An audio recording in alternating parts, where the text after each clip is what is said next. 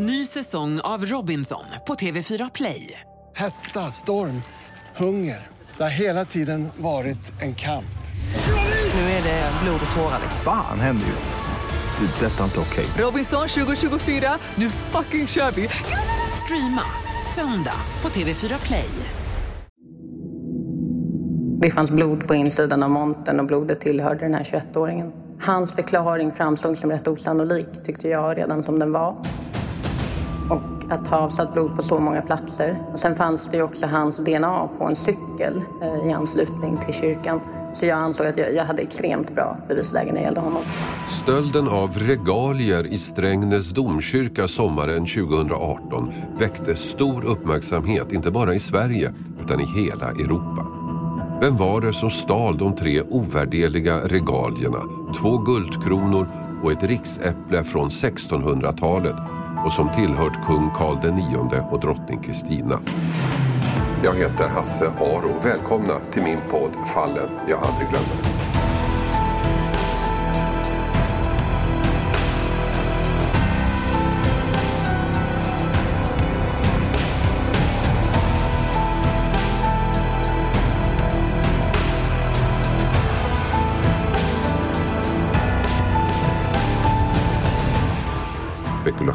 Var många. Var det en expertliga som visste precis vad de var ute efter? Det som talade för det var att de tre föremålen som stals var de mest värdefulla av de som fanns i kyrkan. De som lämnades kvar var bara hälften så dyrbara. Å andra sidan skulle de vara väldigt svåra att sälja. Uppmärksamheten om kuppen skulle skrämma vilken köpare som helst. Kanske var det en excentrisk samlare som låg bakom kuppen som anlitat en professionell liga för att få föremålen och ha dem i sin hemliga samling långt ner i källaren. Vad ingen visste då var att det inte var någon professionell liga som genomfört stölden. Det fanns ingen stormrik kuf med begär för svenska kungligheter som beställt jobbet. Det fanns inte ens någon genomtänkt plan för kuppen. För det var nämligen Jönssonligan som slagit till. Det var de som låg bakom alltihopa. Ni kommer ihåg dem? Charles Ingvar Sickan Jönsson, Ragnar Vanheden och Dynamit-Harry bland andra. I åtta filmer kunde vi följa deras kupper underbyggda av briljanta planer som alltid sprack. Men, säger ni, Jönssonligan finns ju inte på riktigt. Nej, det trodde inte jag heller. Men tydligen hade vi fel. Om man ska stjäla föremål från en kyrka borde man väl välja en tidpunkt när så få som möjligt kan se en, kan man tycka. På natten kanske. Men inte verklighetens Jönssonliga. De slog till mitt på dagen den 31 augusti 2018. 27 grader varmt ute och massor med folk i rörelser. De två männen, kanske Sickan och Vanheden, kommer till kyrkan på två cyklar som de har snott. De springer in i kyrkan och slår sönder en monter med regalierna i. Allt för hårt så ett av de värdefulla föremålen skadas väldigt mycket. De har heller inga handskar på sig så en av dem skär sig på någon glasskärva och några bloddroppar tränger fram. De slänger föremålen i en väska, sätter sig på cyklarna och cyklar ner till en närliggande brygga där en stulen båt väntar på dem. Och så far de ut på sjön. Men ingen av dem är särskilt van vid båtar så de har inte fattat att just den här båten har i det närmaste en tom bränsletank och mycket riktigt, en bit ut i Mälaren stannar båten, bensinen är slut. Men de har tur. En person som är ute på sjön ser de två männen i båten. Han har förstås ingen aning om att de är tjuvar utan erbjuder sig att boxera dem. Och efter en stund så tar en annan person över boxeringen och de två männen ber att få bli körda till en specifik brygga vid ett fritidshus. Och därifrån tar de sig sen vidare. Just den här delen av historien, det som händer på sjön, kommer sen att bli avgörande i utredningen. Tack vare Efterlyst. Men det är det ingen som vet just nu. Stölden väcker som sagt en enorm uppmärksamhet. Det är ju några av nationens mest värdefulla konstskatter som stulits. Vem är det som ligger bakom? Media, både i Sverige och utlandet, rapporterar om den ovanliga kuppen och vi på Efterlyst är förstås snabbt på plats. För eh, våran del då på utredningsavdelningen i Strängnäs så startade det egentligen med att vi satt vid eh, lunchbordet på station. Där fanns också radiobilspatruller eh, när larmet då kom in. Radiobilspatrullerna sticker iväg och eh, det är bara ett par minuter ner för dem ner till domkyrkan från polisstationen. Så att ganska snabbt så är de på plats och kan då berätta att den här stölden då har skett från domkyrkan. Så vi åker också ut och hjälper till helt enkelt. Från början så tror man ju när det kommer in som en stöld i domkyrkan att det kanske kan vara något liknande en fickstöld eller något annat. Men eh, ganska klart stod det ju fast då att det var en, en helt annan typ av stöld. Och då förstod vi allvaret på det. Det blir flera åklagare inblandade i den här utredningen på grund av det speciella med fallet. En av dem är Rina Devgun som vanligtvis mest arbetar med krigsbrott men också med just brott som innefattar värdefulla konstföremål. Något som inte sällan inträffar i just krigszoner. Eh, det började med att det här ärendet hamnade på Eskilstuna-kammaren. Eh, men ganska snabbt så förstod vi att eh, det skulle kunna vara eller man kom i alla fall att misstänka att det här eh, godset skulle kunna ha tagits utomlands eh, och att det skulle kunna bli en hel del internationellt arbete. Och därför så flyttades ärendet till Riksenheten mot internationell och organiserad brottslighet, RIO. Eh, vi har också en särskild utsedd kulturarvsbrottsåklagare hos oss. Just då var hon väldigt upptagen och kunde inte ta målet, men det är tillsammans med henne som jag har haft det sedan, Isabelle Bjursten. Vad var det då som var så speciellt med det här ärendet så att ni fick det? Ja, det var väl hur unika de här objekten är. De är ju världsunika. Eh, de har en otroligt stor betydelse för Sverige och för svenskt kulturarv. Men sen också den internationella kopplingen helt enkelt. Att man, man har svårt att se att den här typen av föremål skulle kunna avsättas i en svensk marknad. Och tänker sig då att det skulle finnas utländska köpare. Mm, ja, berätta, vad, vad hade du för tankar då när du fick det här ärendet? Vad, vad, vad trodde du låg bakom? Men det blev ju väldigt speciellt eh, eftersom å ena sidan, när jag fick ärendet, det här gick ju väldigt fort nämligen. Eh, stölden äger rum eh, mitt i sommaren eh, och i samband med att den sker så, så avsätts det ju flera blodspår. Men sen så var det ju också objekten. Att de är så pass unika. Spontant så tänkte vi nog att det måste vara ett beställningsjobb. Någon måste ha velat ha de här. För att bara ta dem för att försöka sälja dem, ja, det känns lite som ett omöjligt uppdrag. Polisens tekniker lyckas snabbt säkra blodspåren som fanns på platsen. Ärendet hade högsta prioritet och redan nästa dag hade NFC, det tekniska laboratoriet i Linköping, lyckats analysera blodet. Det tillhörde en man som sedan tidigare var känd av polisen, en 21-åring från Åkersberga som hette Niklas, men som vi kan kalla Vanheden. Han fanns redan i polisens register och det beslutades att han skulle gripas. Det var bara ett problem. Han var borta och det gick inte att hitta honom. Och den här 21-åringen tillhörde ett gäng kriminellt belastade unga män i Åkersberga som var kända som Åkersberga-nätverket. Men till skillnad från vad som kanske är fallet i andra förorter kom killarna i det här gänget från bra familjeförhållanden. De höll gärna till på Stureplan och betraktades i sin hemkommun som schyssta grabbar. Men bakom den fasaden begicks alla möjliga former av brott. Alltid med syftet att skaffa pengar till stekartillvaron på Stockholms inneställen. Det är lite olika. Det är några som är lite äldre, några som är lite yngre som har, som jag har förstått, och varit inblandade. Jag har inte själv jobbat eh, i, i det området där de har verkat, men eh, mest stöldbrott och liknande. Just den här 21-åringen var ju i princip ostraffad. Men de han umgicks med kunde vi se att det fanns. Dels hade de varit misstänkta för brott, men också att de hade begått stölder av olika slag. Men ingenting av den här kalibern. Så när NOA, alltså polisens nationella kriminalavdelning, tog över utredningen koncentrerades spaningarna till just Åkersberga-nätverket. Ja, men det visade sig att under utredningsgång så, så fick vi reda på att Ja, dels så hade vi en, en, en enorm bevakning initialt. Vi försökte hitta den 21-åring som vi visste var misstänkt för brottet.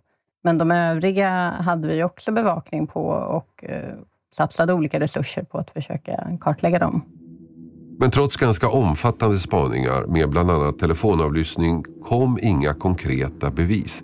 Vissa spår gav det, spår som stärkte bilden att i alla fall några i det här nätverket var inblandade i regaliekuppen. Men det där handfasta, det som kunde leda utredningen framåt och göra att personer kunde gripas, det lyckades man inte få fram. Och 21-åringen Vanheden, han var fortfarande på fri fot. Inte ens honom kunde man hitta. Han man visste hade varit i kyrkan när regalierna stals. Initialt var det väldigt akut att försöka hitta honom och vi satsade enorma resurser på honom. Och det gjorde vi även fortsättningsvis, men då var vi mer inriktade på att vi ville hitta honom, men inte gripa honom initialt. Vi ville kunna se om vi kunde hitta regalierna. Om han kunde leda Om han kunde leda oss till det. Men så, den 12 september, sex veckor efter stölden, kommer då ett genombrott. Ett ganska överraskande sådant. Vanheden överlämnar sig själv. Han går helt enkelt in på en polisstation och säger att han har förstått att han är eftersökt, men inte varför. Ja, det är en sån här klassiker. Man är på väg från jobbet, eh, in inne i sin vana hemmiljö och så ringer polisen och säger att den här 21-åringen har anmält sig själv hos polisen. Han har frågat om han är efterlyst. Eh, och det blir en väldigt stressad situation. Eh, han hinner till och med lämna stationen innan han hinner gripas, för det blir också ett missförstånd vid polisstationen. Men sen så senare på kvällen så får man kontakt med honom och sen kommer han in och i princip överlämnar sig själv. Blev du förvånad? Jag tror att trycket var väldigt stort. Eh, Så jag kan förstå att han eh, kände att det, det fanns nog inte så många platser att gömma sig på och i vart fall inte under en längre period. Men Vanheden förnekar all inblandning i kuppen. Han säger sig inte förstå hur hans blod hamnat i kyrkan och i övrigt håller han tyst. Han hade ju lämnat blod på brottsplatsen och det som kanske var särskilt viktigt, det var ju att det fanns blod innanför montern. Det är svårt att avsätta blod där utan att man har på något vis varit delaktig i stölden. Men han förnekade brott och hade en förklaring till varför han, blodet hade kommit att hamna där. Och han medgav väl vissa, vissa moment av gärningen, att han på något vis hade varit delaktig. Han hade varit där och lämnat någon cykel, han hjälpt till. Men han hade inte förstått att någon skulle stjäla regalierna eller vad som skulle ske. Och Det var väl det som var hans förklaring under i princip hela utredningen och också den initiala delen av rättegången. Förutom blodspåren i kyrkan hade polisen också hittat en plastsäck utanför kyrkan. En säck med 21-åringens fingeravtryck på och säcken kunde knytas till en rulle som hittades i mannens bil. Parallellt med förhören av den här mannen fortsatte spaningarna på Västberga-nätverket. Ganska framgångsrikt faktiskt. Man kunde gripa flera av dem för olika brott. Andra brott dock. Inget som hade med kyrkokuppen att göra. Så när rättegången om stölden börjar den 30 januari 2019 är det bara Vanheden som nu fyllt 22 som åtalas. Inga andra misstänkta finns. Det finns tekniska spår som binder honom vid kyrkan vid tiden för stölden. Men själv fortsätter han att neka. Han vet inte ens vad en domkyrka är och allt han gjort var att stjäla två cyklar på uppdrag av någon annan och vem vägrar han uppge. Ja, jag kan säga att vid häktningen redan, jag tror det var kortaste häktnings-PM jag någonsin haft. Jag tror det stod någonting i stil med att det fanns blod på insidan av montern och blodet tillhörde den här 21-åringen. Hans förklaring framstod som rätt osannolik, tyckte jag redan som den var. Och att ha avsatt blod på så många platser. Och Sen fanns det ju också hans DNA på en cykel eh, i anslutning till, till kyrkan. Så jag ansåg att jag, jag hade extremt bra bevisläge när det gällde honom. Det som är mest frustrerande för alla som deltar i utredningen är förstås det faktum att regalierna fortfarande är borta. Ingen vet om de finns kvar, om de är förstörda eller om de sålts till någon. Sen var det så att vi gjorde en ganska omfattande utredning av de regalier som fanns kvar. Vi misstänkte i alla fall att de hade kommit att skadas i samband med stölden. Det var några bucklor och några inbuktningar, bland annat på det äpplet som fanns kvar, men också på en av spirorna. Men vi kunde inte leda i bevis att de hade skadats. Det som var viktigt också innan rättegången var ju att fastställa någon typ av belopp för vilken skada den här, den här stölden egentligen hade tillfogat kyrkan och då, då gällde det att värdera de här regalierna. Och det var viktigt. Eh, det, det kan vi ju säga att eh, vi förstod ju att om han, 21-åringen, skulle förstå vad de här var värda, så kanske det låg i hans intresse att lämna tillbaka dem, än att leva med det skadeståndet. Den sista rättegångsdagen är den 5 februari, men den blir inte av. För på natten händer något som får hela utredningen och rättsprocessen att ta en helt ny vändning. En väktare gör sin normala runda i Åkersberga när han får syn på en bil på en parkeringsplats. En bil med en soptunna på taket. En soptunna som någon skrivit ordet bomb på med stora tydliga bokstäver. Och när polisen kommer till platsen och undersöker bilen så hittar man förstås ingen bomb. I soptunnan på biltaket ligger de stulna regalierna.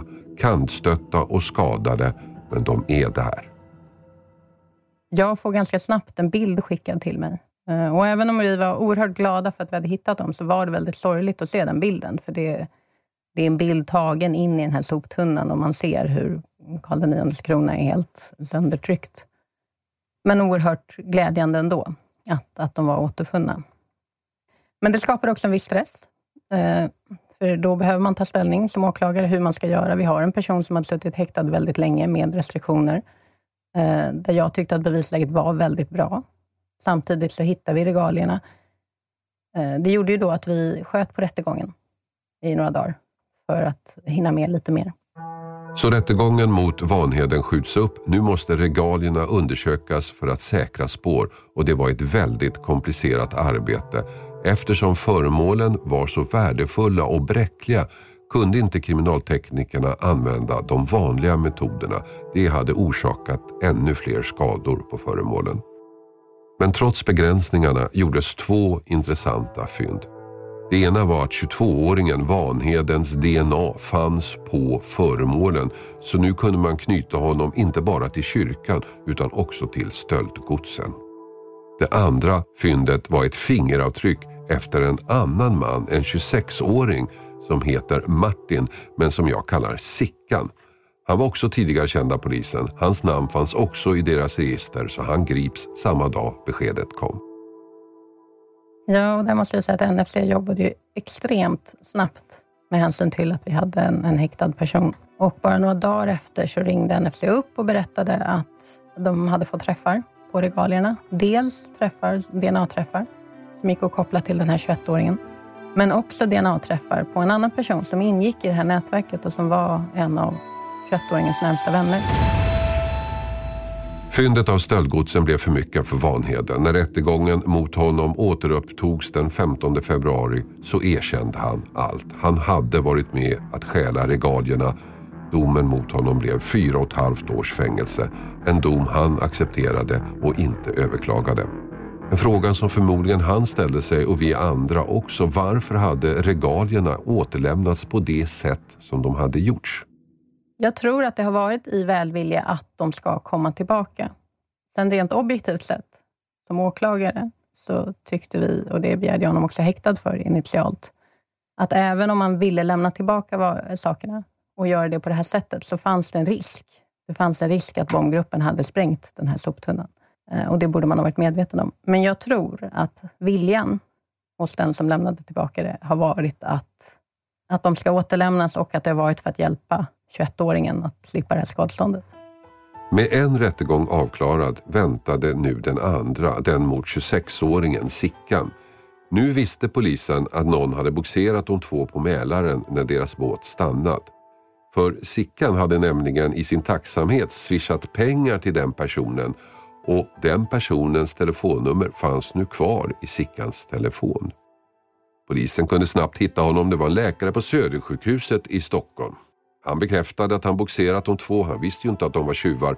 Men han berättade också att han hade ont om bensin så efter ett tag hade en annan båtförare tagit över boxeringen med sin båt och den personen ville polisen få tag på. Och det var då de vände sig till Efterlyst. Och det var ju oerhört intressant för oss eh, eftersom vi då kunde koppla swishbetalningen till 26-åringen och till en båt eh, i, utanför Strängnäs samma dag som stölden hade ägt rum. Men vi behövde verkligen få tag på den här andra personen som hade bogserat båten. Dels för att få reda på vart bogseringen hade skett. Um, och då tog vi hjälp av Efterlyst och uh, hade ett ganska omfattande reportage, men jag vet att polisen var nere i Strängnäs och man, man filmade. Och jag upplevde att det var som att leta efter en nål i en höstack. Inte 17 skulle vi hitta den här personen som hade varit ute på sjön och boxerat någon förra året. Det, det, kommer han aldrig komma ihåg. Vi kommer inte hitta den här personen, tänkte jag. Men det var värt ett försök. Det är det här vittnet polisen nu behöver komma i kontakt med. Och det är en kille i 40-50-årsåldern. Han eh, sitter i en liten vit eh, eka. Och på den ekan sitter en aktersnurra och dessutom en liten elmotor i, i fören. Han är ju superviktig för oss att få kontakt med för han har ju förmodligen då boxerat de här två gärningsmännen. Och förmodligen med godset också, så han vill ju ha kontakt med.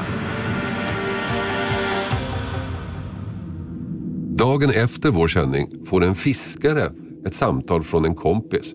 De sökte dig på Efterlyst igår, sa kompisen och det är väl inte ett samtal man vill ha precis. Fiskaren fattade ingenting. Men han hade ju berättat för sin kompis att han under sommaren hjälpt två killar att boxera deras båt på Mälaren utanför Strängnäs. Fiskaren själv såg inte vårt program men det gjorde kompisen och förstod direkt vem det var vi sökte. Så fiskaren tar kontakt med polisen och berättar om händelsen. Beskrivningen av de två nödställda killarna stämde också in på Vanheden och Sickan och han kunde dessutom visa vart han släppt av de två. Bryggan där de två släpps av visar sig tillhöra en kusin till Sickan och efter ett tufft förhör medgav kusinen att han hämtat Sickan och Vanheden vid den platsen vid tiden för stölden. Men sen kunde vi ju ändå leda i bevis eh, väldigt tydligt att de två personerna som hade lämnat kyrkan genom olika vittnesiakttagelser så kunde vi säga att de två personerna som lämnade kyrkan satte sig i en båt. Och då blir det ju en fråga om att utesluta några alternativa hypoteser för att det gick ju också att visa att de två personerna som satt i båten rimligtvis borde ha varit i vart fall 26-åringen eftersom han hade swishat till en av bogserarna. Eh, och de här två vittnena som hade boxerat kunde ändå beskriva de här personerna väldigt väl. Inte peka ut dem direkt i en fotokonfrontation, men ändå beskriva hur de hade sett ut. Och de hade båda också reagerat på att en av dem hade någonting lindat runt ena handen och blödde. Eh, vilket eh, skulle stämma väldigt väl överens med en av gärningsmännen eftersom det var så mycket blod i kyrkan. Och sen så var det också den platsen de togs till. Där fanns det eh, några olika vittnen som var bekanta med 26-åringen. Som också inte kunde säga exakt vilken dag, men de kunde säga att någon dag förra sommaren så hade han kommit dit med en båt som hade en trasig motor. Att, eh, inte lika tydlig bevisning som mot 21-åringen, men sammantaget väldigt, väldigt starkt. DNA på stöldgodset, signalementet från läkaren och fiskaren, swishbetalningen och kusinens vittnesmål. Bevisen räckte mer än väl. 26-åringen dömdes av Attunda tingsrätt till tre års fängelse, en dom som hovrätten fastslog. Tror du att alla inblandade har gripits eller finns det de som var med den här stölden som eh, fortfarande går fria? Det är svårt att uttala sig om. Eh, det får ju bli lite hypotetiska resonemang. Jag tror att de två som var i kyrkan, de har vi så att säga, åtalat och de har blivit fällda. Det är svårt, tycker jag, utifrån vad man vet om dem, att tro att de helt själva skulle ha kommit på den här idén och planerat det här. Eh, och därför så kan jag tänka mig att det har funnits fler inblandade. Sen i vilken utsträckning, rådgivare eller om det har varit fler personer vid själva kyrkan när stölden ägde rum, men kanske inte de satte sig i båten. Men också vad det gäller hanterandet av föremålen efteråt. Ehm, så är det ju verkligen inte uteslutet att fler personer kan ha varit inblandade. Kanske också inblandade i beslutet att återlämna dem. Men det får man ju inte veta som åklagare alla gånger. De slår till mitt på dagen. De lämnar blodspår på platsen. Vittnen ser hur de flyr i en båt. De får bensinstopp och blir boxerade av två män som kan identifiera dem. De lämnar DNA och fingeravtryck på de stulna föremålen. Föremålen som förmodligen är helt omöjliga att sälja i alla fall. Nej, det var ingen lysande plan. Det var inte tajmat och klart in i minsta detalj. I själva verket slutade det med en jädra smäll. I somras återfördes regalierna till Strängnäs domkyrka där de nu förvaras på ett betydligt säkrare sätt än tidigare. De har restaurerats men fortfarande finns spår kvar från stölden. Men det är ju nu också en del av deras historia som en antikvarie på Länsstyrelsen så träffande uttryckte det.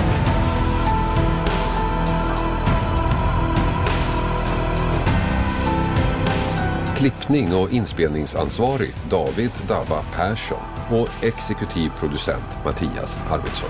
Ljudinslagen i avsnittet kommer från Efterlyst i TV3. Produceras av I Like Radio. I like radio. Ny säsong av Robinson på TV4 Play. Hetta, storm, hunger. Det har hela tiden varit en kamp. Nu är det blod och tårar. Fan händer just nu. Det. är Detta är inte okej. Robinson 2024, nu fucking kör vi! Streama söndag på TV4 Play.